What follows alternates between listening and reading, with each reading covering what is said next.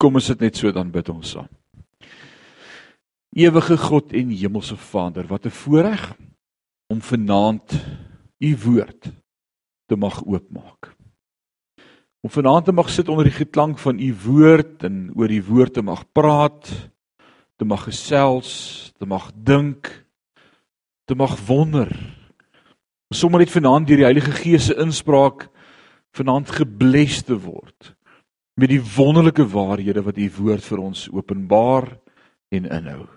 Dankie dat u woord vandag nog vir ons relevant is, nuut is en vars is. Dankie dat u self aan ons openbaar deur u woord. Vader, vanaand is ons bevoorreg. Hier's geen vervolging nie en niemand wat ons stop nie in die godsdienstvryheid om u woord te mag oopmaak. Ons dink vanaand aan soveel dele in die wêreld wat kinders van God vervolg word, doodgemaak word uit hulle huise uitgesleep word, gesinne opgebreek word, mense doodgemaak word, brutaal vervolg word vir hulle geloof in Christus. Ons wil vanaand vir hulle bid dat hulle geloof in U nooit sal teleurstel nie. Maar net so Stefanus toe hy gestenig word, opkyk en God en aan die regterkant Jesus sien staan, so wil ek bid dat hulle ook sal beleef in hulle uur van beproewing en krisis dat U met hulle is. Dankie dat U daar is. Aan U vanaand al die lof en al die eer en al die aanbidding van ons harte. Dis ons gebed in Jesus naam en sê ons sê amen en amen. Loof die Here. Efesiërs hoofstuk 1. En Paulus het in die eerste 14 verse met die gemeente gepraat oor die Here, oor God, oor die werk wat die Vader vir ons gedoen het en die werk van sy seun Jesus Christus en die werk van die Heilige Gees. 'n Loflied aan die drie eenheid, God die Vader, God die Seun, God die Heilige Gees. En hy het so die werk uiteengesit en as jy prakties vir iemand wil verduidelik hoe werk die drie eenheid van God die Vader, Seun en Heilige Gees en wie's verantwoordelik vir wat en wie doen wat in jou lewe, kan ek nie 'n makliker gedeelte kry as Efesiërs hoofstuk 1 se eerste 14 verse nie. Want hy sê presies wat was die werk van God? Wat was die werk van Jesus? Wat was die werk van die Heilige Gees? Hulle uitverkiesing en ons aanneming as kinders van God. Ons posisie in Christus en dan dat ons verseël is met die Heilige Gees as onderpand. En dis waar ons laasweek gestop het. En ons het gepraat oor die Heilige Gees, die onderpand wat ons ontvang het. En een van die wonderlikste gedeeltes in die Bybel is sekerlik hierdie gedeelte in Efesiërs as ek besef wie ons is in Christus. En ek dink dis een van ons groot probleme as kerk van die Here Jesus Christus, as bruid van Christus dat ons nie weet wie ons is in hom nie. En as een van die eerste goed wat ek agterkom, daar 'n leemte is in my en jou lewe as iemand struggle met sonde en hy struggle om oorwinning te kry en dan sy in die vlees en dan sy by die kerk en dan sien jy hom vir 'n maand en dan sy weg vir 3 maande en dan dien hy die Here vir 'n paar maande en dan sak hy weer terug. Ken jy sulke ouens? 'n Julle paar jaar terug was dit jy, né? Dit was ons almal se storie. Totdat ek ontdek het wie ek is in Christus. Kunskap. Wat hy vir my gedoen het, wat hy vir my beteken het en dat daar 'n geestelike groei in my en jou lewe kan wees. Nou interessant dat nadat hy met hulle gepraat het oor die Here, praat hy in die res van die hoofstuk met die Here oor hulle. Hy het met hulle gekom en gepreek en vir hulle vertel wat is die werk van God, wat was die werk van Jesus, wat was die werk van die Heilige Gees. En nou ignoreer hy hulle en hy sê wag, laat ek eers vir julle bid. En dis vir my 'n wonderlike metodiek wat Paulus hier in die dag lê. Baie keer wil ons net praat, praat, praat, praat, praat. Maar ons vergeet die krag van gebed. En vanaand gaan ons bietjie oor daai gebedskant praat. As Paulus vir hierdie Efesiërs intree en begin bid. En die rede hoekom ek dit vir jou uitwys vanaand is omdat ek dink dis 'n groot geheim in die bediening. Ons hamer dalk te veel op die praat en te min op die bid. Ek dink vanmôre daaraan terwyl ek sit en voorberei en deur my notas werk. Wat sê God in die Ou Testament vir sy volk? Hy sê hierdie huis en dan verwys hy na die tempel en dan sê hy hierdie huis van my is 'n huis van dis 'n plek waar mense met God moet praat. Dis tog wat ons doen as ons glo God lewe. As ons geglo het dat God nie lewe nie, het ons 'n monoloog kom voer en net kom hoor wat sê God se woord van die profeet of die priester af of die prediker of die pastor, maar ons glo God antwoord en hy lewe en elkeen van ons kan met hom praat. En dis dis die samekoms van die heiliges. Pieter het vanmôre daaroor gepraat die eklesia. Jy leef vir hulle groot woorde Sandra, hoor, trots op jou. Eklesia die uitgeroepenis vir 'n spesifieke saak of 'n funksie. En waarvoor is ek en jy bymekaar geroep vanaand as die eklesia? Om toegerus te word vir dienswerk. Dis my funksie vanaand om die heiliges toe te rus vir dienswerk. So as ons jou vanaand hierdie gedeelte teach, dan is dit nie net sodat jy sal uitstap en sê, "Wow, Efesiërs daar 'n awesome boek, ek kan nie wag vir volgende week nie." Dis sodat wanneer ek en jy hier uitstap, ons sê, "Oké, okay, wat moet ek vanaand doen met hierdie stuk wat ek ontvang het?" Hoe gaan ek dit gebruik in die wêreld? Hoe gaan ek dit gebruik daar waar die tekkie die teer tref môre by my vrou, by my kinders, by die huis, by my kollegas? Hoe moet ek dit gebruik? Alraight. En vanaand leer hy vir ons hier 'n pragtige waarheid. Hy sê wanneer jy klaar met iemand gepraat het, moenie te veel praat nie. Bid. Glo ons daar's krag in gebed. Glo jy daar's krag in gebed? Amen. Alraight. So ons kan ook van hierdie gebed praat as as as as intersessie om voor te gaan by die Vader. Wat is intersessie? Dis 'n woord wat jy nie meer hoor in ons dagsomme nie, né? Klink na 'n vreeslike geestelike woord. Kobus wat sê jy? Wat is intersessie?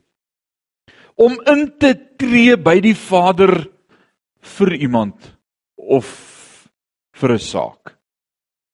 Standing in the gap, Jackie, that's a beautiful description. Standing in the gap om in die gaping te staan. Het vir ons sulke voorbeelde gestel in die Ou Testament van die profete? Moses was 'n intercessor, absoluut. He was standing in the gap. Hy het ingetree vir die volk by God. 'n mediator, né, daai tussenganger en God wil hê ek en jy moet ook dit op ons neem. So om intens met God oor iets te gesels, om as te ware vir iemand in te tree en hom tot voor die troonkamer van God te bid. Dis awesome. En ek en jy kan dit doen. Nou, ek wil sommer net iets ingooi vanaand hier. Die woord van die Here kom en dan leer hy vir ons Dis uh een van die disippels van Jesus wat skryf, ek dink amper dis dis of Petrus of Jakobus. Hy sê as jy jou broer sien 'n sonde doen en is nie die sonde tot die dood nie. Is dit Petrus of Jakobus? Is dit Petrus of Jakobus? Sandro, jy het nou net klaar geswat. James, ek het gedog Jakobus. Alraight, dit is dieselfde ouer. As Jakobus kom dan sê hy as jy jou broer 'n sonde sien doen en is nie 'n sonde tot die dood nie. Bid jy dan vir God dat God jou broer vergewe en God sal. Jy al daaroor mooi gedink? Wat is my en jou manier om met God te praat oor die broer wat sonde gedoen het? Here, het jy gesien? Ek hoop nie jy gaan dit ongestraf laat nie. As ek u was het ek lank om met hom afgereken, Here. Ek dink dit is tyd dat u dit bietjie warm maak vir hom. Is dit hoe ons bid? Kom aan, lag, dis hoe ons bid. Dis hoe ons bid. Wat sê Jakobus? As jy 'n regte broer liefhet en jy verstaan liefde in God en vergifnis en kunskap, dan tree jy vir jou broer in asof dit jy was. Jy sê Here, have mercy on him. Forgive him. Love him. Spare him. Dis liefde. Mag ons so begin bid vir mekaar. En dit is niks anders as intersessie nie. So kom ons kyk vanaand uit hierdie gedeelte uit wat bid Paulus vir die gemeente in Efese. Onthou en hy gaan ook in Efesiërs 6 dit vir ons kom leer as ons kom by die wapenrusting, dan gaan hy dit weer aksentueer en beklemtoon as hy sê ons worstelstryd is nie teen is nie jou vrou nie. Is nie jou man nie. Is nie hormone nie. Is nie die kinders nie. Is nie vlees en bloed nie, maar die bose magte, moenie vir jou vrou sê sy's 'n bose mag nie, sy sal jou oë uitkrap. Teen die bose magte en die owerhede Ons is in 'n oorlogvoering. Hier's 'n stryd aan die gang. En ek en jy ons mindset, ons moet nugter dink te alle tye om te onderskei nee, my stryd is nie met hierdie broer nie. My stryd is met die bose geeste in die lig. Nee, my stryd is nie met hierdie persoon nie. Dis 'n bose stryd. En daar kom gebed in. En dis waar oorlogvoering te sprake kom. En ons gaan leer daarvan. Nou interessant as ons kyk na die boek Efesiërs en ek wil dit sê sommer vir jou noem dan is die die verloop of die groei van ons verhouding met Christus in die boek Efesiërs as volg. Wat leer die eerste hoofstuk vir my? Wat moet ek doen? Sit, staan, lê, hardloop, wat moet ek doen? Waaroor het hoofstuk 1 gegaan? Ons sit saam met God in heilige plekke. Sit. In die eerste plek in my verhouding met God moet ek besef wie ek is. Ons het net nou gepraat oor ek moet besef daai Die Griekse woordjie is die woordjie kenosis waarvan die woordjie knowledge vandaan kom. Ek moet dit verreken. Ek moet ek moet daaroor dink totdat ek dit besef en wat kom Paulus in Efesiërs 1 en wat skryf hy vir die gemeente? Hy sê julle sit saam met God in hemelse plekke. Wat is jou posisie in Christus? Jy sit saam met hom. Voordat jy opspring, voordat jy jou swaard uitpluk, voordat jy die duiwel wegjaag, voordat jy hardloop, voordat jy weerstand bied, moet jy verstaan jy sit saam met God. En dan as ons bietjie verder gaan in Efesiërs, dan leer hy vir ons staan dan vas. Jy hoef nie te hardloop nie. Baie kinders van die Here hardloop. Ou man, hulle hardloop dat jy net plakkies sien of stof sien. Hulle is so besig met die duiwel, dan sit hulle hier en dan sit hulle daar, en dan jaag die duiwel en dan jaag die duiwel hulle. En as Efesiërs kom en Paulus leer vir hulle hierdie gedeelte, dan leer hy dit vir hulle omdat hy vir hulle wil sê jy het reeds 'n posisie in God. Sit saam met hom in hemelse plekke, staan op u autoriteit waarmee hy jou gebless het. Staan net vas. Julle lendene omgord met die waarheid. En dan praat hy oor die wapenrusting en ons gaan daarby kom in Efesiërs 6. So hier bid hy vir hulle. Kom ons lees van vers 15 af vanaand wat bid hy vir die gemeente in Efese. Daarom. Dit is 'n interessante woordjie, die woordjie daarom. Alraai, hy begin hier met hulle te praat oor hulle posisie, wat God vir hulle gedoen het, wat Jesus vir hulle gedoen het, wat die Heilige Gees vir hulle gedoen het, dat hulle verseël is met 'n onderpand dat niks hulle kan skei van die liefde van Christus nie. Dis basies dieselfde wat hy vir die Romeine skryf in Romeine hoofstuk 8 daarby uh 32 34 as hy sê niks kan ons skei van die liefde van God nie geen hoogte, diepte, owerhede, bose magte, honger, naak, gevaar, engele, niks kan ons skei van die liefde van God nie. Dis presies dieselfde waarop hy sin speel as hy met die Efesiërs praat. Hy sê vir hulle daarom Daarom wat? Vandat ek gehoor het van die geloof in die Here Jesus wat onder julle is en die liefde tot al die heiliges, hou ek ook nie op om vir julle te dank as ek aan julle aan my gebede dink nie. Hier is 'n mooi belydenis. Hier is 'n pragtige blydenis. Paulus het nie vir hulle gebid omdat dit sleg gaan met hulle of omdat hulle probleme het nie, maar hy bid vir hulle ook omdat dit met hulle goed gaan. Hy sê ek dank God elke keer as ek bid omdat dit met julle goed gaan. Is dit nie wonderlik nie? Nou wonder ek sommer daaroor toe nou vanmiddag. Hoe geneig is ek en jy om net te bid vir goed waar dit sleg gaan? Kom aan, wees gou eerlik oor jou eie gebedslewe. Wat is ons prioriteite van goed waaroor ons met God praat?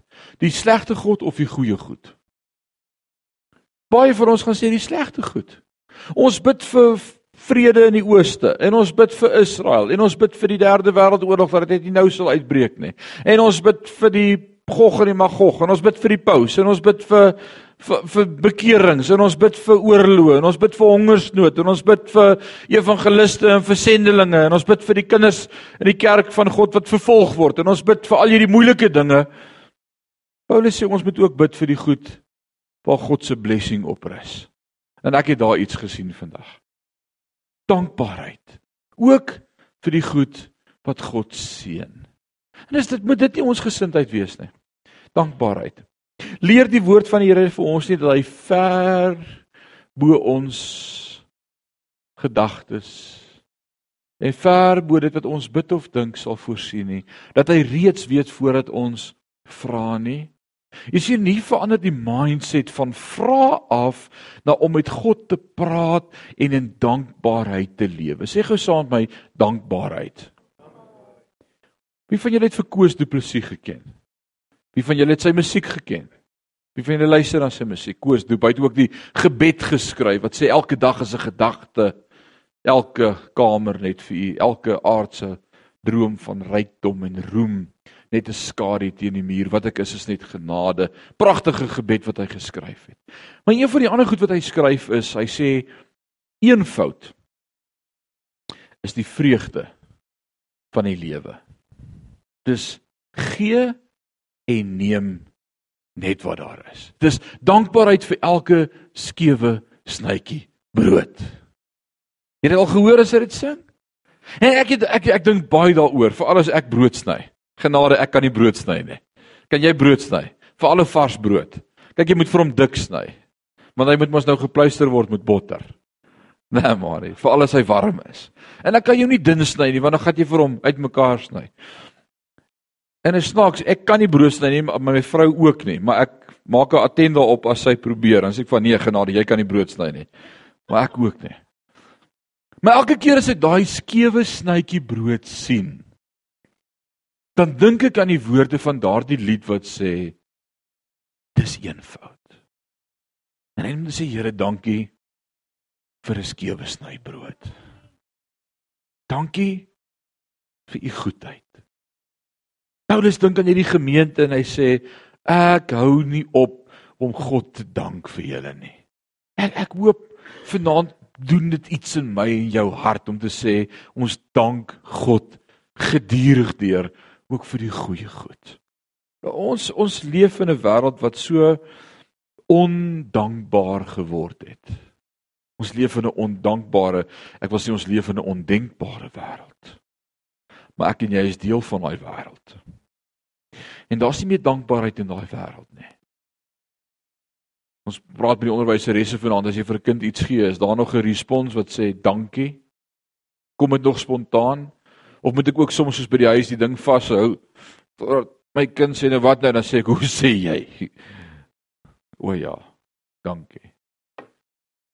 Ons moet dankbaar wees voor God. Dankbaarheid teenoor hom. Ek ek is so dankbaar vanaand teenoor die Here vir wat mense daar buite ook van ons gemeente sê. Ek het vanoggend sommer net weer vir die Here gesê, ek ek is so dankbaar vir Sion. Ek is so dankbaar vir die lighuis wat God hier op die hoek gesit het van Sint Janstraat en Loopstraat. vir vir die invloed wat ons het in ons gemeenskap en as ek hoor mense praat en en dit wat by die jeugsentrum gebeur Vrydag aande by Lifted en, en daar's 'n buzz, daar's daar's daar's mense wat praat oor God bless ons. En ek dank die Here daarvoor want dit is net sy genade. Dis net sy genade. Maar elke keer as ek dink aan Sion, dan is my oë gevul met trane en my hart met dankbaarheid en dan dink ek Here, dis net genade. Dankie dat U ons bless. Dankie dat U met ons werk. Dankie dat U met ons genade het. Dankie dat U besig is met ons. Dankie dat U op pad is met ons. Dankie, dankie, dankie, dankie, dankie. Bid saam met my en sê vir die Here dankie vir alles wat ons so mildiglik uit sy hand uit ontvang. So hy sê daarom vandat ek gehoor het van die liefde of van die geloof in die Here Jesus wat onder julle is en die liefde tot al die heiliges, hou ek ook nie op om vir julle te dank as ek aan julle in my gemeede dink nie. Alraight. En hier is dan hoe hy bid.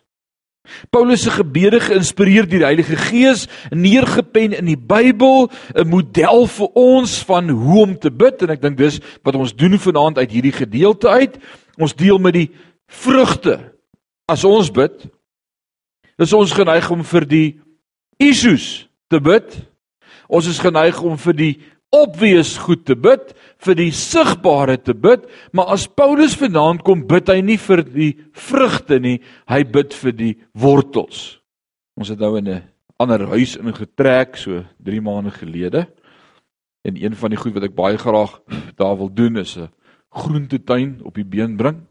Ek wil nog altyd en hier is 'n boorgat en hier's 'n groot spasie, maar daar's 'n boom in die groentetuin wat dood is en wat in die pad staan van hierdie vreeslike groot beddings wat ek daar ek moet eintlik 'n trekker kry om alles daar te doen wat ek wil, daar's spasie.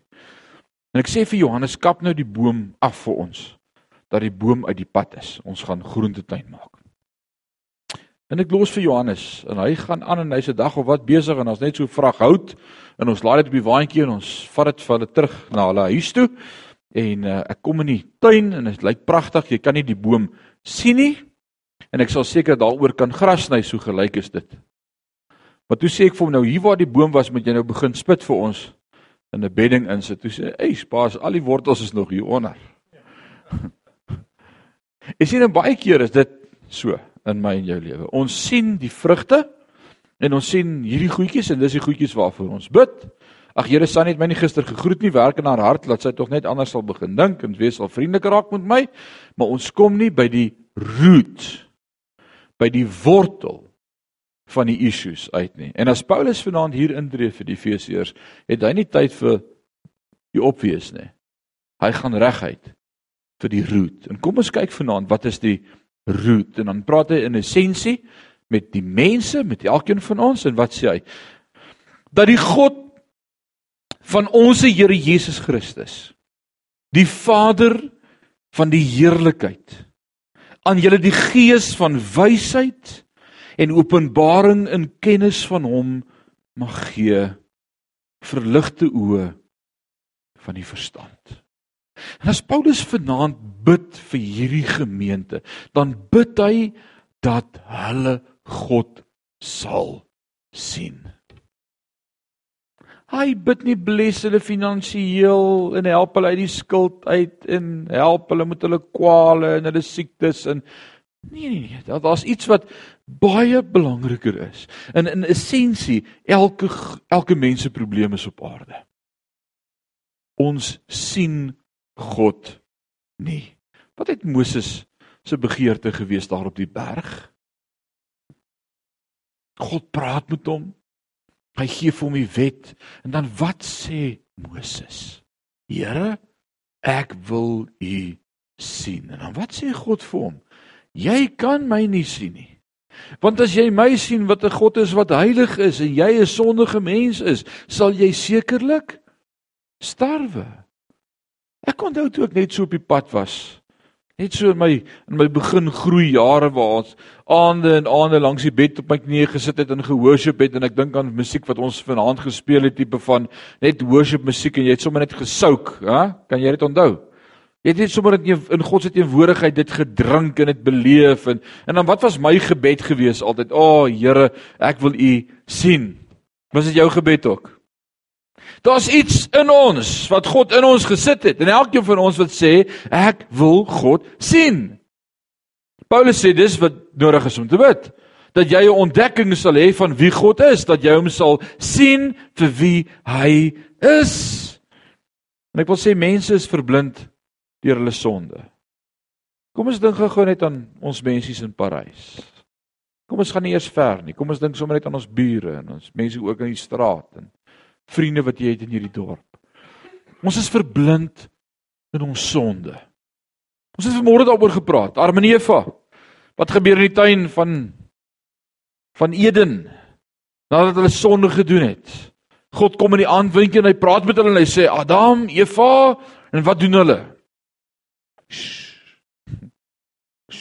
Hulle gaan kruip weg. Wat doen sonde met my en met jou? Wat doen sonde met die wêreld? Dit maak dat hulle wil wegkruip vir God. sien ons God as ons wegkruip vir hom? Ons wil God nie sien nie. Romeine 3 kom Paulus en hy skryf dit aan die gemeente in Rome as hy in hoofstuk 1, 2 en 3 praat en sê almal is verlore sonder God en dan sê hy selfs die ateïs wat in sy hart sê daar is nie 'n God nie, weet in sy hart dat daar 'n God is, want as hy opkyk na die hemel en die sterre, dan sê die hele skepping vir hom daar is 'n God. Hy's aangekla in sy hart. Hy weet daar's 'n God, al sê hy daar's nie 'n God nie. Geen mens sal 'n verskoning hê nie. Nie eers die Jood met die wet sal 'n verskoning hê nie. Hy dink die wet kan hom red. God is die God. En dan kom hy in hoofstuk 3 vers 10 en dan sê hy kom ek sê vir julle. Niemand soek God nie.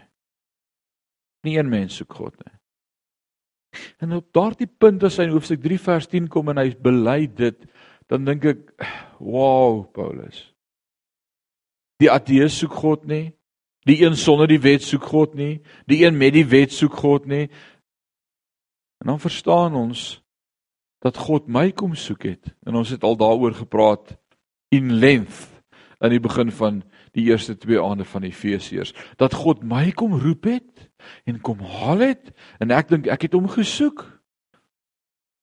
En dan het ons so mooi gesê, iemand het eendag so mooi geskryf, D.L. Moody wat sê as ons in God se koninkryk instap, is daar 'n groot bordjie op wat sê who shall whosoever will come En dan stap jy in en as jy terugkyk agter jou, dan staan daar 'n bordjie wat sê niemand kom na Jesus as God hom nie trek nie. That's amazing. God het jou geroep, hy het jou getrek. Alraight. En Paulus sê hierso, dis die probleem, is ek bid vir verligte oë van die verstand dat hulle God kan sien en hulle lewe verander, want ons het nodig om God te sien. So wat is die eerste gebed wat ek en jy vir die wêreld kan begin bid en vir mense kan om ons begin bid en vir ons stad begin bid? En wat moet ons bid vir ons stad? Moet ons bid vir herlewing? Here, ek bid dat herlewing sal uitbreek. Ek wil vir jou sê herlewing sal nooit uitbreek totdat mense God sien nie. En ek het iets verstaan in hierdie gedeelte van hoe Paulus bid vir die Efesiërs as hy sê Here, ek bid vir verligte oë van die verstand In Johannes sê Jesus niemand kom na Jesus as die Vader hom nie trek nie. Paulus sê aan die Korintiërs dat die God van hierdie wêreld hulle oë verblind het. En hy wil vir sê die wêreld is blind. Die wêreld is blind. Hulle verstaan nie dat hulle God nodig het nie. Hulle verstaan nie dat hulle verlore is sonder God nie. Hulle verstaan nie dat wat is die issue nie. Ons is mos so right. Ek gaan kerk toe een keer 'n maand. Amerikaanse statistiek van die Bana Instituut die laaste ruk vir ons gewys dat die gemiddelde of die meerderheid van Christene in Amerika praat van hulle self as gemiddelde kerkgangers. En toe definieer hulle hierdie sensus opname en hulle vra maar wat is 'n gemiddelde bywoning en toe 75% van hulle geantwoord een keer 'n maand is ons in die kerk. Is dit 'n gemiddelde kerkganger? Hulle oë is blind. Dis godsdienstigheid. Daar's nie verhouding nie. Dis net kerk. Alraight. Kan jy onthou in Openbaring 3 vers 18? Ja, in ja, Openbaring 3 vers 18 skryf Johannes aan die gemeente en geïnspireer deur die engel sê hy kom koop by my salf vir julle oë sodat julle kan sien. Kom koop salf sodat jy kan sien. So nou bid Paulus vir die Efesiërs en hy bid dat hulle oë oopgemaak sal word. Wat leer Jesus ons in Matteus 5 van die einde van die saligsprekinge? Kan julle onthou wie van julle ken die saligsprekinge uit julle kop uit? Nee, kom aan, al julle hande moet nou in die lug gaan. Hæ? En dan wat kom aan die einde van die saligsprekinge? Dan praat hy oor twee twee dinge wat ek en jy is, twee instrumente in God se hand. Hy sê julle is die lig en julle is die sout. Twee goed wat ek en jy as kind van God is in die koninkryk. Lig en sout. Sê vir jou langs jou lig en sout. Jy's lig en sout. En dan wat sê hy nadat hy met hulle gepraat het oor die sout? En as dit laf geraak het, dien dit niks nie behalwe om buite gegooi te word in die lug. Jy steek nie 'n lug op en sit dit onder 'n maat emmer nie, maar jy sit dit op 'n op 'n op 'n soos 'n stad op 'n berg sodat almal kan sien en dan eindig hy hierdie perakoop, hierdie gedeelte en hy sê die volgende, hy sê daarom moet julle julle lig so laat skyn voor die mense dat wat dat julle Vader in die hemel verheerlik mag word. Is dit nie wat daar staan nie? Daarom moet julle julle lig so laat skyn dat julle Vader in die hemel verheerlik mag word. Met ander woorde, wat moet die mense sien? Hulle moet God sien. Met ander woorde, en hier kom ons nou by 'n 'n netelige saakie. Dis een ding om vir jou buurvrou te bid dat sy God sal sien. Maar dis 'n ander ding as jy besef dat God jou dalk wil gebruik om vir haar te wys hoe lyk God. Want dit beteken dat my lewe gaan moet verander. En dis nie 'n lekker gebed om te bid nie. So nice was die Here engel gestuur het en haar in die nag voor die kop geklap het dat sy dat sy ontmoeting met God het. Net soos Jakob, Here stuur 'n leer en engele en ontmoet met hom of met haar. Maar God werk nie so nie. Wie wil God gebruik as instrument in sy hand om vir hulle te wys hoe lyk God? Jy. Jy. So wat Paulus hier sê en Paulus is een van die karakters in die Bybel wat ou man uit 'n onberuslike lewe gehad. Hy sê dit so mooi in die gemeente as hy skryf en sê wees my navolgers soos ek Christus navolg. En ek sê dit so baie keer vir al as ek met ouers praat of met onderwysers dan sê ek ons sê baie keer vir ons kinders moenie doen wat ek doen nie, doen wat ek sê. Nee. Moenie maak soos ek maak nie, maak wat ek sê. Ek is die pa en ek sê nee. Maar pappa, hoekom doen jy dit? Sê dis nie oop vir discussion vanaand nie. Maak julle wat ek sê. En weet jy wat? Ons kinders doen nie wat ons sê nie. Maar hulle doen wat ons doen. Jou kind gaan nie stilte tyd hou voor hy gaan slaap omdat jy vir hom gesê het hy moet stilte tyd hou nie. Hy gaan stilte tyd hou omdat hy by jou gesien het hoe lyk iemand wat se lewe vir hom wys hoe om tyd te wy aan God. Hy gaan nie sy Bybel lees omdat jy vir hom gesê het voordat jy in die aande slaap lees jy Bybel oor 'n goeie gewoonte is, nê. Hy gaan sy Bybel lees as hy by jou gesien het hoe lyk iemand wat se fondasie en fondamente op Christus gebou is en in die woord bly. So as Paulus hier kom en bid vir die gemeente in Efese en sê ek bid vir verligte oë van die verstand dat hulle God sal sien, dan sê hy ook vir hulle kyk na my. Wow. Kan ek en jy met vrymoedigheid vanaand ons buurman toe stap en vir hom sê hoorie, ek wil net vir jou goeie nuus bring vanaand. Hou my dop en jy gaan God sien. Kom aan, wees eerlik. Ek dink hy gaan flou val.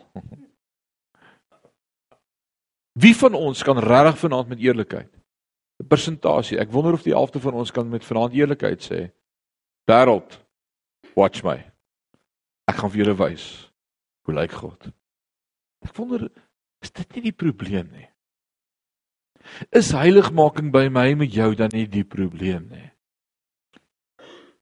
In my eie lewe dank ek God vir wonderlike voorbeelde wat ek gehad het van godsmanne in my lewe. Ek is die 4de generasie van bedienaars van die woord. My oupa Grootjie was in 1933 al georden as een van die eerste sendlinge van die AGS Kerk van Suid-Afrika. My oupa was in diens van die AGS Kerk as pastoor georden. My pa was pastoor. En dit is vir my 'n voorreg om te kan sê dat ek hierdie voorbeelde gehad het van manne wat God eerste gesit het in hulle lewe. Dit is 'n amazing voorbeeld. Maar dan wil ek vanaand na iemand verwys wat nie georden was nie en nie teologie geswat het nie. En dis my ma se pa, my oupa Paul de Klerk. Hy was 'n plaasboer. 'n Eenvoudige seun. Nie sy ouers geken nie. Hy het in 'n handelsskool, was dit 'n 'n nywerheidskool of 'n handelsskool? Waar was hy seuns in gewees? Hæ? Soos 'n tegniese skool. Het hom daar gesê dit was soos 'n weeshuis.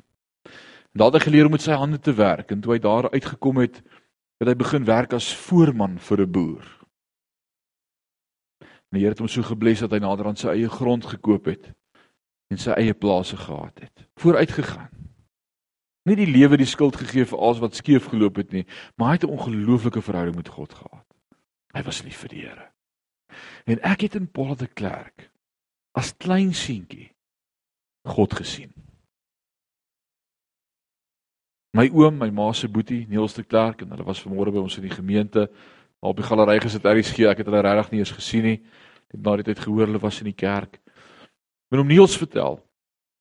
Hoe hy as jong man in die oggende as oupa uit was op die plaas en dan hy teruggekom en hy het uh in die spaarkamer gaan bid. Dit was sy bidkamer. En ek onthou daai plaashuis. Ek onthou daai matte. Onthou jy daai groen ou zaai matte? So groen. Nou, onthou jy daai groen? Hæ? So geplak. En voor daai bed was twee sulke groot kolle gewees waar die mat nie meer is nie. Op op Paula se knieë elke oggend op daai sementvloer voor God gekniel het om met hom te praat. En my ouma het altyd vir, vir my oom gesê, bly uit die kamer uit, bly uit die kamer uit. Oupa's besig. En in een dag kon hy dit nie hou nie, hy wou weet wat gebeur hier binnekant. En nou Niels vertel dit as Laiti wat so indruk het op hom gemaak het. Hy sê eendag toe maak hy die deur stadig oop om net te kyk wat gebeur hier binne.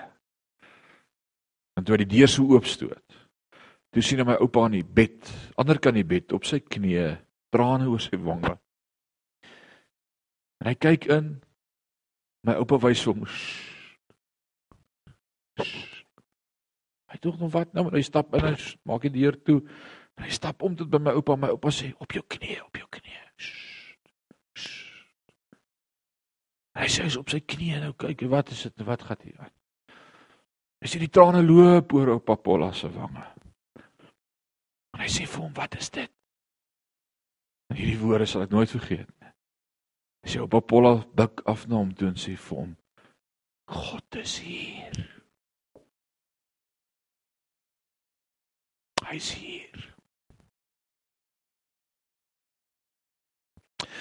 Paula het indruk in mense se lewens gemaak. Daar's iemand wat nie gepraat het oor God nie. Maar jy kon in sy lewe God sien. Jy kon in sy lewe God sien en beleef. Vanaand die vraag sommer vir jou en vir my is as die wêreld ons dophou en ons kyk. Som ons maniertjies en ons mannerismes en ons en ons uh, gedragspatrone en ons manier van dinge doen en sê en ons handel en ons wandel. Wat sien hulle as hulle ons kyk? sien hulle, "Wow, daai ou loop reguit pad."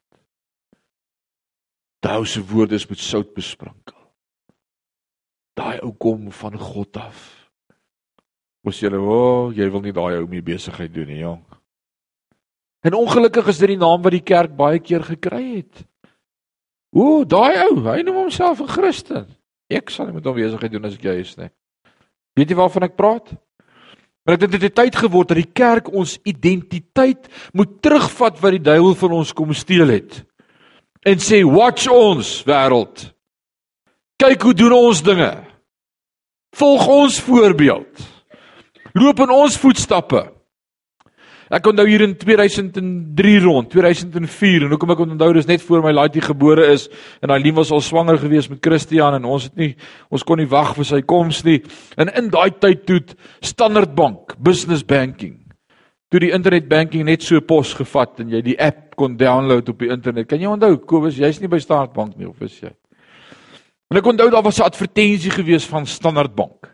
En hierdie ou het gesê as jy die app gebruik om besigheid te doen met die bank, gaan jy baie meer tyd hê vir die goed in jou lewe wat belangrik is. En dan stap hy met 'n visstok, met so wit broek wat opgerol is tot by sy knieë en kaal voete, en hy stap met die visstok so op sy skouer op die strand en hy gee sulke lekker tree, stap hy so, en dan gaan die kamera so terug agter hom en dan is daar net so 'n klein seentjie, 4 jaar oud wat moet trap om by te bly, maar hy trap net so in sy pa se voetspore.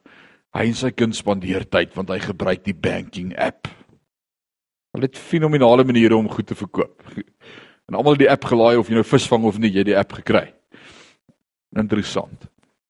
Maar wat vir my aangegryp het daarvan is soos wat daai klein seentjie in sy pa se voetspore trap. En elke keer as ek die app kyk, dan begin ek huil en sê Eileen, dis 'n bank app. Hoekom hy jy? Dan sê ek ek dink aan Paulus wat sê wees my navolger soos ek Christus navolg. Gaan ons eendag vir ons kind kan sê trap net in ons voetspore. Of moet ons sê moenie doen wat ek doen nie, doen wat ek sê. Sommige net 'n vraag vanaand vir ons. Julle is doodstil. Alraight. Die storie word vertel van 'n sending wat uitgestuur is na Afrika Stripe na hierdie stam toe om hulle te gaan bereik met die evangelie. En toe hy daar kom en met hulle Christus begin deel en praat oor Christus, dis hulle, "Ah, ons ken hom. Hy was hier." Dis sê nee nee nee, julle julle kan hom nie ken nie. Dis 2000 jaar terug. Dis sê, "Ah, hy was hier, hy het hier gebly." Dis sê, "Maar dit kan nie wees nie. Dis sê, "Kom ons gaan wys jy waar hy begrawe." Nou dis met hom in die woud in, hulle kom op 'n graf af wat met klippe gepak is en hy sê hier is hy begrawe en hulle sê maar dit kan nie wees nie. En toe hy begin navors en uitvra toe hoor hy van 'n sending wat 50 jaar voor hom daar was en net daar geleef het en hulle gewys het hoe lyk like Christus. Wow. En ons my gebed, Here, mag ek so lyk like vir mense om my. Sjoe. Mag ek en jy so lyk like vir mense om ons.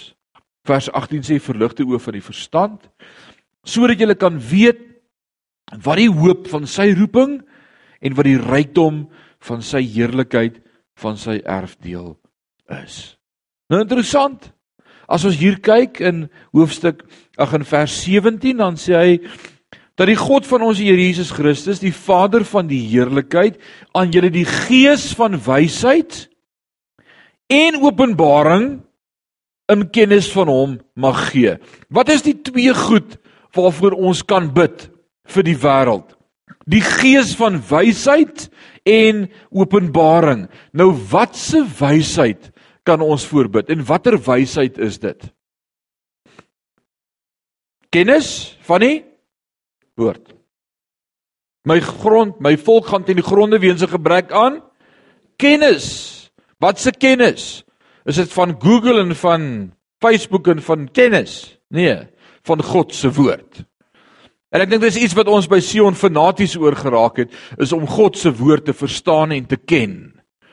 En ek wil vir jou sê daar's geen ander beter plek om God te ontdek as in hierdie Bybelboek se blaaie nie. Kan jy sê amen? Daar's geen beter plek om God te ontdek en raak te blaai en te ervaar en te beleef as wanneer dit oor die kennis van die waarheid van sy woord kom nie. So as 'n ou vir my sê, "Hoe groei ek geestelik? Waar begin ek?" Wat bid ek vir hom? Kom in die woord. Vat die woord, vat woordskool, begin daarna luister, kom in die woord, groei. Dis waar dit gebeur. En wie van julle kan getuig dat dit is waar jy gegroei het? Dis in die woord. Amen. Dis waar dit gebeur. En ewe skielik sien jy God geopenbaar. Hy praat met jou, jy beleef hom. So wanneer uit iemand uiteindelik God sien, dan hoef jy nie meer vir iemand te preek oor sonde nie. Wie weet dis die waarheid? Jy hoef nie vir hom te sê hoor jy loop verkeerd en jy praat verkeerd en jy ry verkeerd en jy nee, nee, jy hoef nie vir hom te oortuig nie. Wie oortuig hom daarvan? Die Heilige Gees. Of wat jy vir moet wys is hy moet God ontdek in die woord. Dis al.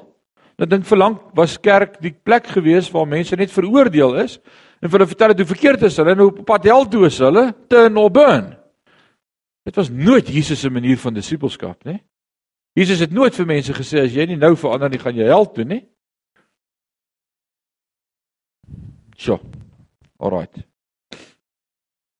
Paulus bid hier vir die Efesiërs. En as my vraag somme wat ek hier ingeskryf het vir myself, bid ek en jy nog vir God se gemeente, vir God se kerk, vir die kerk van die Here Jesus Christus, vir die kerk van God op aarde.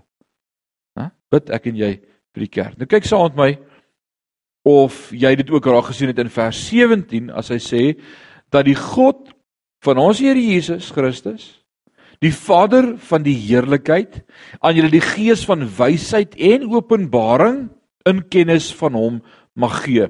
En nou wil ek hê jy moet jou pen vat en dan moet jy na en openbaring moet jy 'n kommaatjie in jou Bybel maak. Want daai komma maak die hele verskil in hoe jy daai sin lees. Want hy bid twee goed en dan gaan een ding gebeur. Hy sê ek bid vir julle vir die gees van wysheid en openbaring. Komma. En dan wat gebeur dan? Sodat julle in kennis van hom mag kry. Hoe kry mense kennis van God? In die gees van wysheid en openbaring. So eenvoudig en waar. Waarin lê die wysheid en openbaring opgesluit in die kennis van God? En dis die probleem in ons dag. Ons soek die antwoorde. Ons soek 'n quick fix. 12 steps to this, 3 steps to that, 5 steps 10 dae om 10 kg te verloor. Ons soek quick fixes. As jy deur 'n boek blaai en daar's 20 maniere om dinge te doen, dan soek jy die een wat die vinnigste gaan gaan. Wie sê amen? Mm, eina. Ons doen die vinnigste quick fix, die vinnigste manier om dit reg te kry. God se manier is nie die vinnigste manier nie, maar dis die enigste manier. Dis die enigste blywende manier. Alraight. Wat is die manier? Ontdek Christus. As iemand die Nuwe Testament sal vat en Matteus oopmaak en begin lees, en jy lees die hele boek Matteus deur, waaroor gaan die boek Matteus? Christus. En as jy sê nee, dalk mis ek dit en dan blaai jy om en dan kom jy in die boek Markus. Waaroor gaan die boek Markus? Dan sê jy nee, maar dit kan nie wees nie. Dan blaai jy verby en dan gaan jy na Lukas toe. Waaroor gaan die boek Lukas? Jesus. Sê jy maar dalk is dit nou toevallig. Kom ons gaan na Johannes toe. Waaroor gaan die boek Johannes? Jesus. Dis die antwoord vir my en vir jou is Jesus. Om hom te sien, om hom te ontdek, om hom te beleef. Jesus. So die vraag wat ons almal moet vra is wat sou Jesus doen? Nou jy raai bandjies, what would Jesus do? Die probleem is nie om te weet wat hy sou doen nie. Die probleem is om dit te doen. Ons weet almal wat om te doen. Ons weet wat is die regte ding om te doen. Right. Dan sê hy en aan julle die gees van wysheid en openbaring in kennis van hom mag gee verligte oë van die verstand sodat julle kan weet wat die hoop van sy roeping en wat die rykdom van die heerlikheid van sy erfdeel onder die heiliges is. Nou kom ons praat vir 'n oomblik oor hierdie twee pragtige goed in vers 18. Wat is die hoop van sy roeping en wat is die rykdom van die heerlikheid van sy erfdeel? Want hierdie twee goed om te verstaan is baie baie belangrik vir my en vir jou vanaand. Wat is die hoop van sy roeping? Dion die ewige lewe. In Afrikaans gesê om hemel toe te gaan. Wat is die hoop van die roeping wat ons het in Christus? Ronnie everlasting life. Jackie, wat is die hoop van sy roeping wat jy het? Everlasting life. My oom, die ewige lewe. Adri, die hemel. Weet jy wat ek en jy raak langs die pad vergeete? Ons vergeet ek is op pad hemel toe. Ek dink vanmiddag weer daaraan.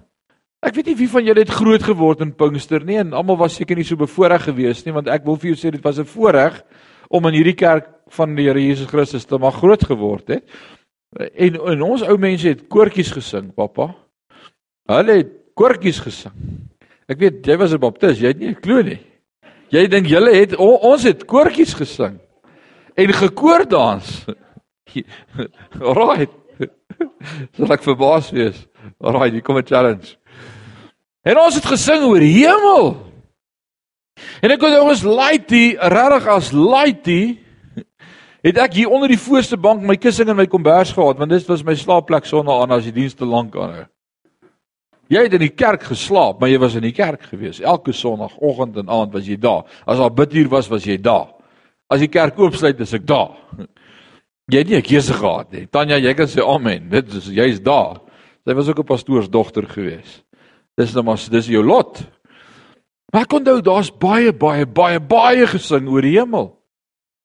What the day that will be when my Jesus I shall see when I look upon his face the one that saved me by his grace that he takes me by the hand and leads me to the promised land what a day glorious day that will be.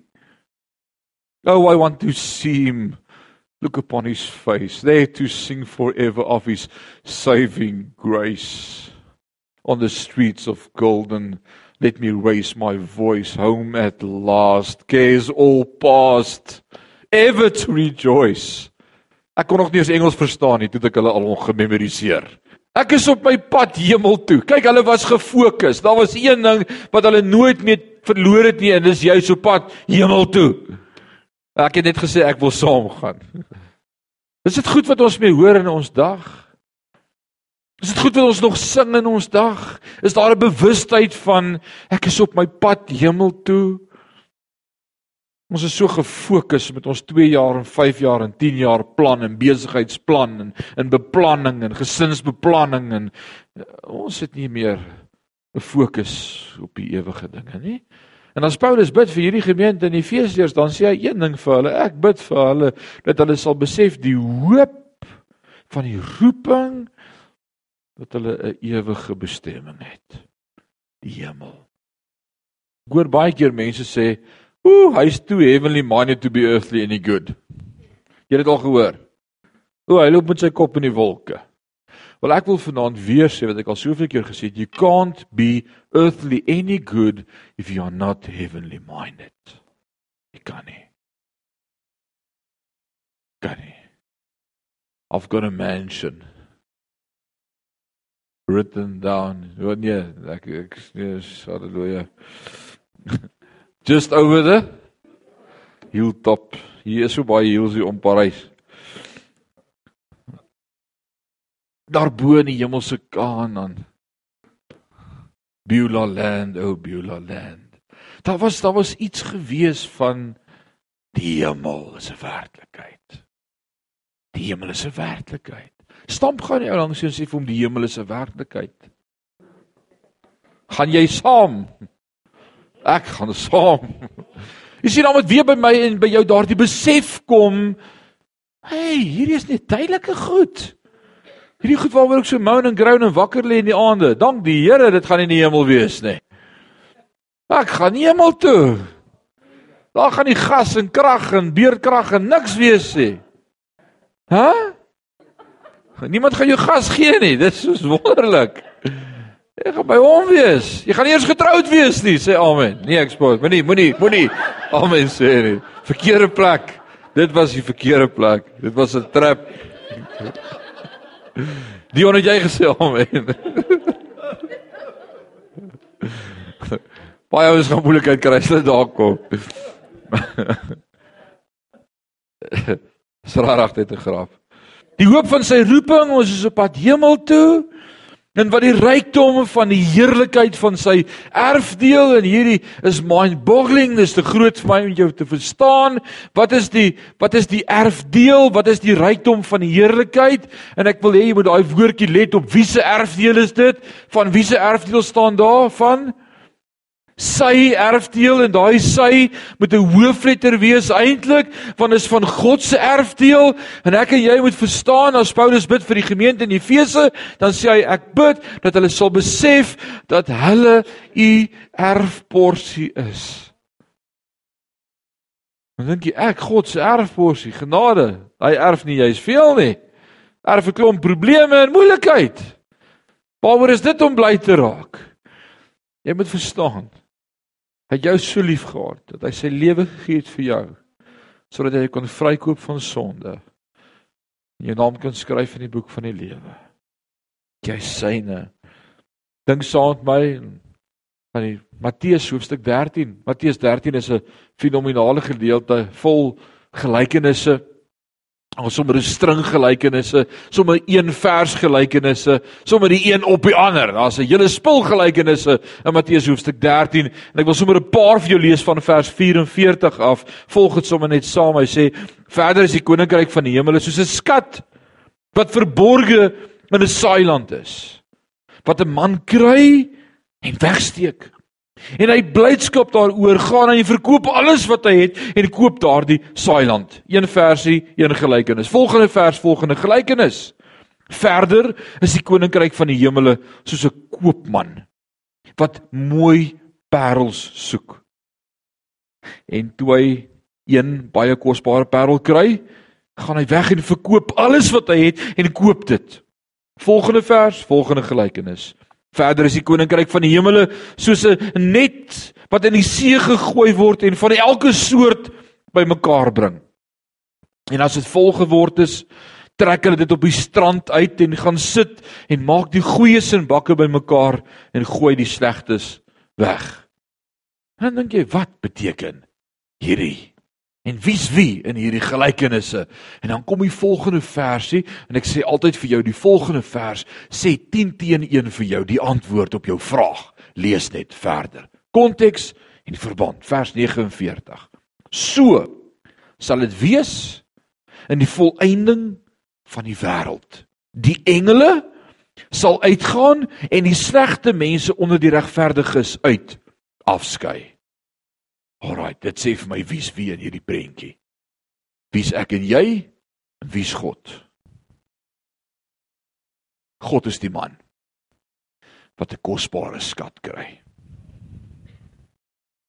In daardie tyd was daar nie banke nie. Daar was nie beleggings nie. Daar was nie instansies waar jy uh, aandele kon besit nie. Daar was nie effekte trusts gewees nie. As jy iets kosbaars gekry het in die vorm van 'n skat, het jy dit begrawe sodat dit nie gesteel raak nie. En hierdie man het 10 teen 1 in 'n land, in 'n saailand, dit gaan begrawe. Dalk het hy vergeet daarvan. Dalk is hy oorlede sonder dat hy vir sy kinders vertel het waar's die ex-spot. Dalk het hy Alzheimer ontwikkel en vergeet van die skat wat hy het. Maar een of ander iets het gebeur en iemand het deur daardie saailand gestap eendag en so geskop in die klippe en toe hy nog so skop. En dan sê die woord en toe hy daardie skat kry, hy kan nie net daai skat uithaal nie want dit is nie sy grond nie. Hy moet eers die titelakte van daardie stuk grond bekom. En wat doen hy toe? Hy gaan verkoop sê saam met my alles wat hy het.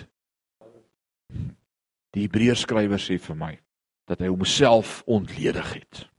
Dat hy plekke geruil het, dat hy sy goddelike gestalte neergelê het en mens geword het. Sodat hy in alle opsigte aan my en jou gelyk kon wees. Hy het sy goddelikheid verruil vir 'n stuk grond. Sodat hy die skat ek en jy kan kom kry. Wow sien jy wat gebeur wanneer God se woord vir jou gelykenisse oopmaak en jy dit begin verstaan? Weet jy hoe kosbaar en waardevol is jy vir God? Hy het sy goddelikheid eenkant gelos. Gesê ek gaan aarde toe om die titelakte van planeet Aarde te kry. Hoe weet ek dit? Openbaring 5. Johannes huil, die hemelse wesens huil, almal huil, die ouderlinge huil. Wie is waardig om die boek te neem en sy seels oop te maak? Daar's niemand regverdig bo op die aarde of onder die aarde of in die hemel nie. Wie sal hierdie boekrol, die titelakte van planeet Aarde, kan terugvat wat Adam en Eva vir die duiwel gegee het? Wie is waardig om die boek te neem? Sê daar's niemand nie. En dan bly dit 'n oomblik stil en dan kom daar iemand ingestap. En dan sê Johannes, "Ha, dit lyk soos die lam van God wat van die begin van die skepping af vir my en vir jou gekruisig is, gesterf het. Die engel sê so mooi, slain from the foundations of the earth. Weet jy wat dit beteken? Dat hy nie net vir my en vir jou aan die kruis eers betaal het nie.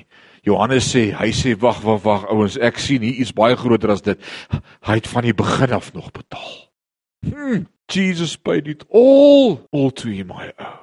En dan koop hy hierdie stuk grond sodat hy hierdie kosbare kosbare skat syne kan maak. Jy syne. Oh. Maar dalk sê jy vanaand ek weet nie of ek so kosbaar is vir die Here nie. Ek ek dalk irriteer kom.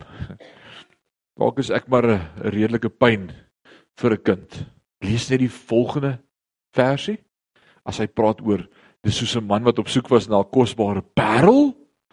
En dan vind hy hierdie kosbare parel en dan verkoop hy alles en hy sê daai parel is myne. Weet jy hoe ontstaan 'n parel? Is 'n fyn klein stukkie sand of klippie wat in die oester se doppie ingaan en die oester begin irriteer.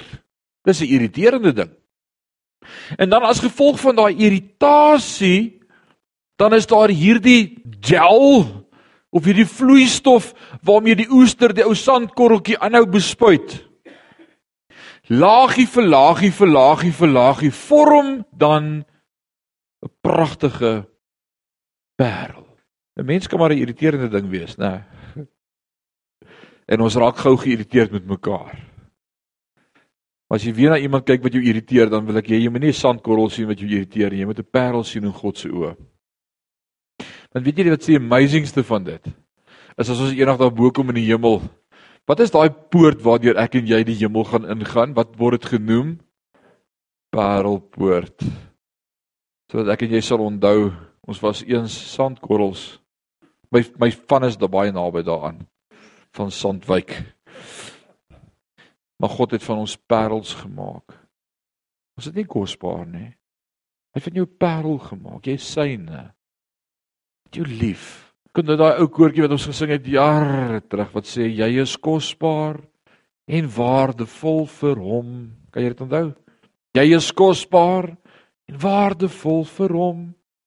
Aanvaar dit en sê nou dankie Jesus. Jy is kosbaar en waardevol vir hom pragtig. Jy geweet daar's net een ding wat 'n parel kan verwoes. Daar's net een natuurlike ding wat 'n parel kan verwoes. Menslike sweet. Parel hou nie van sweet nie. 'n Regte parel, ek praat nie van 'n nagemaakte parel nie. 'n Regte parel hou nie van sweet nie. Dit verwoes hom. En toe ek daaroor dink vanmiddag en dink nou hoekom sal sweet parel verwoes? Dit asof die Here vir my sê, en hier kom dit dit wat ek pragtig gemaak het. Wanneer wanneer sweet ek en jy? Strive works. Wanneer jy nie besef jy het nie nodig om daarvoor te werk nie. Want wanneer jy dink jy moet werk om dit te verdien, verwoes jy eintlik wat God vir jou wil gee. Just accept it and say thank you Lord. Thank you Lord for saving my soul. Thank you Lord, for making me whole. Thank you, Lord, for giving to me thy great salvation so full and oh, very hard work to do. No, no, it's free. It's verniet. God se werk is God gee sy gawe vir my en vir jou verniet. Genade, genade, genade. Ek moet stop daar vir vanaand. Wat sê julle? Ek glo ons gaan hoofstuk 1 klaar maak, maar nee, daar's nog te veel om te sê. Genade, genade, genade. Ek glo daar's iets vanaand wat in jou hart vassteek wat jy vanaand gehoor het. En ek glo dis vir elkeen van ons anders.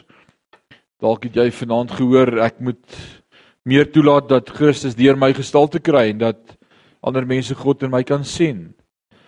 Dalk moet jy vanaand begin bid, Here, begin by my. Dalk moet jy vanaand bid, Here, gee my weer 'n passie om te bid vir u kerk. Dalk moet ek net vir vanaand dankbaar raak vir vir al die great goed wat om my gebeur en ophou fokus op die negatiewe goed waarvan God in elk geval weet, want weet jy wat dit maak jou net negatief as jy daarvoor bid. Begin vir God dank vir die positiewe goed wat gebeur. Kom ons staan, gaan ons saam bid. Abba Vader, U is awesome. Om aan U te behoort is awesome. En dankie dat U ons liefhet met 'n ewige liefde. Dankie dat U nie ons voorwaardelik liefhet nie, maar onvoorwaardelik. En ons bely vanaand as mens, ons sukkel om dit te verstaan, ons sukkel met ons rasionele brein en die manier hoe ons redeneer en dink om te verstaan dat hierdie groot God van liefde my liefhet, hierdie sandkorrel en dan kom Filippense 1 vers 6 en hy sê dat die werk wat u in ons begin het, U sal klaarmaak en ons is so dankbaar daarvoor. Dankie vanaand vir hierdie pragtige gebed wat Paulus bid vir die gemeente in Efese. Ek wil bid Vader dat U vanaand ook daardeur met ons elkeen sal praat. Vanaand praat U met ons in die oproep is heiligmaking sodat mense God in ons sal sien. Ek wil bid help ons om nie so baie te praat met ander mense oor wat reg en verkeerd is nie, maar dat hulle in ons lewe sal sien hoe lyk like verhouding met God. Help ons om doen mense te word en nie praat nie. Vader, ons wil aan U vanaand al die lof en al die eer na al die aanbidding van ons harte bring want U is 'n groot God. Dankie vir die voorreg wat ons het om by so 'n woordskool te mag deel wees en onder die geklank van die woord te mag sit so vrylik en verniet en dankie vir die blessing wat dit vir ons inhou vir elkeen van ons se geestelike groei en dat dit ons nader bring en nader trek aan U. Ek wil bid help ons om in hierdie week ook genade te hê met ons ander mense om ons. Die genade wat U teenoor ons het, dit wat U aan ons bewys, help dat ons dit ook aan ander sal bewys. Help dat ons hulle ook sal lief hê met dieselfde liefde waarmee U ons liefhet, 'n oneindige liefde en dat iemand hierdie week in ons sal sien Christus. Christ in me, the hope of glory. Aan al die lof en al die eer. Dis my gebed in Jesus naam. Amen. Amen.